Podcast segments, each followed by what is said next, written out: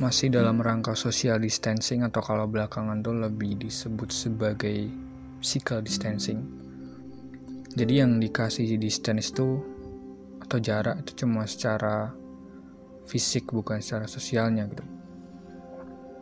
Kita kan tetap bisa berinteraksi secara sosial kayak lewat telepon misal. Tapi belakangan kayaknya udah banyak juga yang berinteraksi secara fisikal kayak semua tempat-tempat udah di mana-mana udah rame tempat wisata, mall-mall, restoran-restoran gitu kan. Kayaknya emang secara psikologis masyarakat kita udah nggak seheboh kayak waktu awal-awal dulu pas corona ada gitu. Kalau bahasa Inggrisnya tuh illnessnya udah nggak mereka rasain gitu. Nah ini menarik nih. Kenapa gue sebut illness bukan sakit? Ini bukan maksudnya gue sosokan Inggris ya, tapi emang kalau dalam bahasa Inggris sakit itu lebih detail dan bermacam-macam.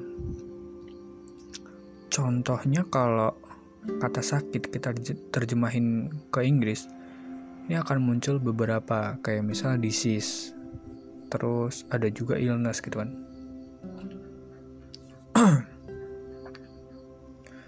ada juga sickness kan, jadi ada tiga loh, disease, illness, sama sickness.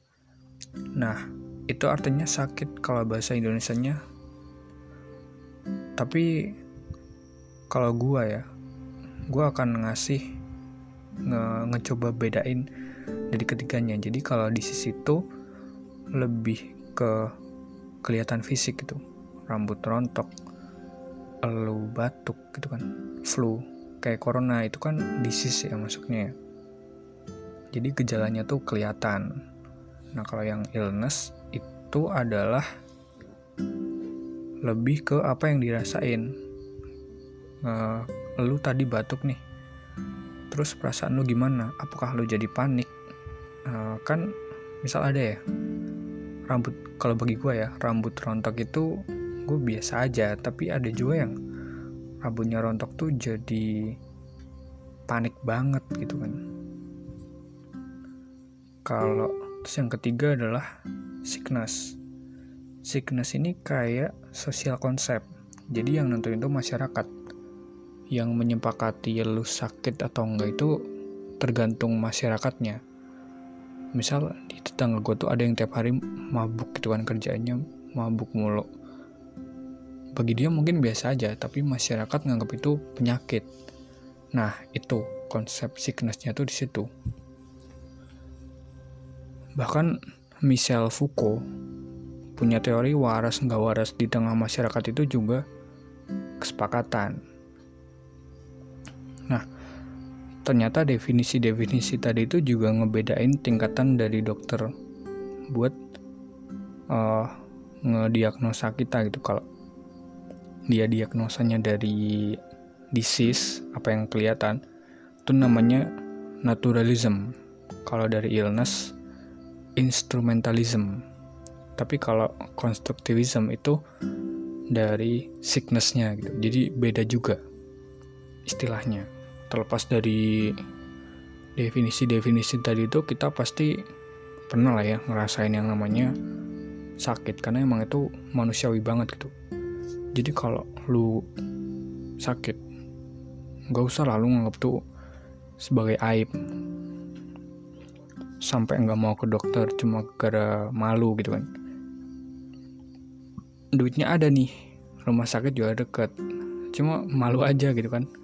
Lu cerita ke dokter bahkan. Ya meskipun bahaya atau enggaknya penyakit itu tergantung tubuh lu sih.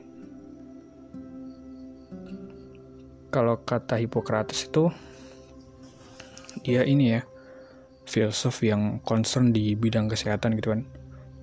It's more important to know what person the disease has dan what disease the person has. Jadi karakter seseorang atau otak orang terhadap penyakit itu lebih penting dibanding penyakit itu sendiri itu kalau kata Hipokrat ya Hippocrates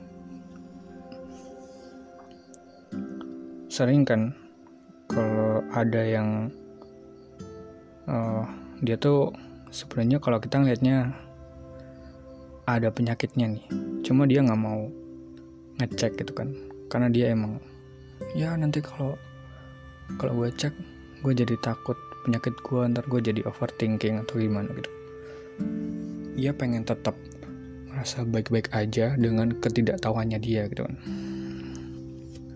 Karena emang kadang anxiety-nya itu lebih nggak masuk akal dibanding fear-nya. Jadi ini gue gue kasih tahu bedanya fear sama anxiety. Kalau kalau fear itu takut sama hal yang udah jelas nih di depan kita. Kayak misal hmm, lu lagi mau rapid.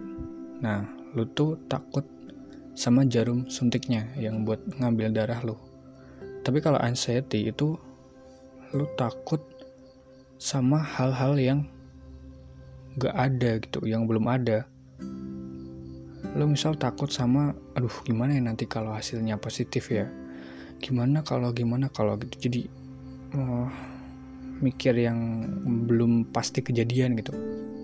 Emosi lain yang biasanya muncul dari sakit itu adalah kalau lu udah sakit nih lu selain tadi fear itu kan sebelumnya ya kalau lu udah diagnosis misal positif corona gitu itu lu nanti ada kemungkinannya lu over demanding gitu kan. Ini nggak cuma ini berlaku buat semua penyakit sih sebenarnya. Jadi ini yang biasanya ngebuat repot dari perawat-perawat yang ada di rumah sakit itu. Jadi gue oh, respect banget sih sama perawat-perawat yang ada di rumah sakit gitu. Apalagi kayak lagi situasi kayak gini kan karena emang ya pada dasarnya oh, manusia tuh lemah gitu. Kita semua nggak bisa apa-apa kalau kayak gini. Cuma mereka-mereka yang kerja di bidang kesehatan aja kan yang bisa bawa kita keluar dari situasi pandemi kayak gini. Karena mereka uh, bagi mereka tuh pandemi kayak gini nggak cuma buat diterima gitu kalau kita kan ah, ya gimana nggak ada yang bisa kita lakuin kan. Tapi kalau mereka tuh nganggapnya ini sebagai jadi kayak challenge atau tantangan buat mereka gitu. Dan kayaknya nggak bisa kalau ini harus kita terima aja harus pandemi ini adalah sesuatu yang mereka taklukkan gitu yang harus mereka taklukkan. Dokter-dokter yang ngebuat vaksin itu mungkin kayak hmm, Thomas Alva Edison pas dulu ngebuat lampu kali ya. Bahkan saking gila-gilaannya usahanya Edison pas buat lampu nih itu dia sampai tuli loh gara-gara ngedengar ledakan lampu mulu kan dia. Nah mungkin oh, dokter tuh udah yang membuat vaksin kan udah lama kan dari dulu kan. Dan prediksinya setahun. Gue nggak ngebayangin sih berapa sampel yang mereka terus coba gitu tapi dibalik semua duka-duka yang kejadian pas pandemi ini karena menurut gue juga uh, mancing gitu jadi stimulus buat tingkat kreativitas kita.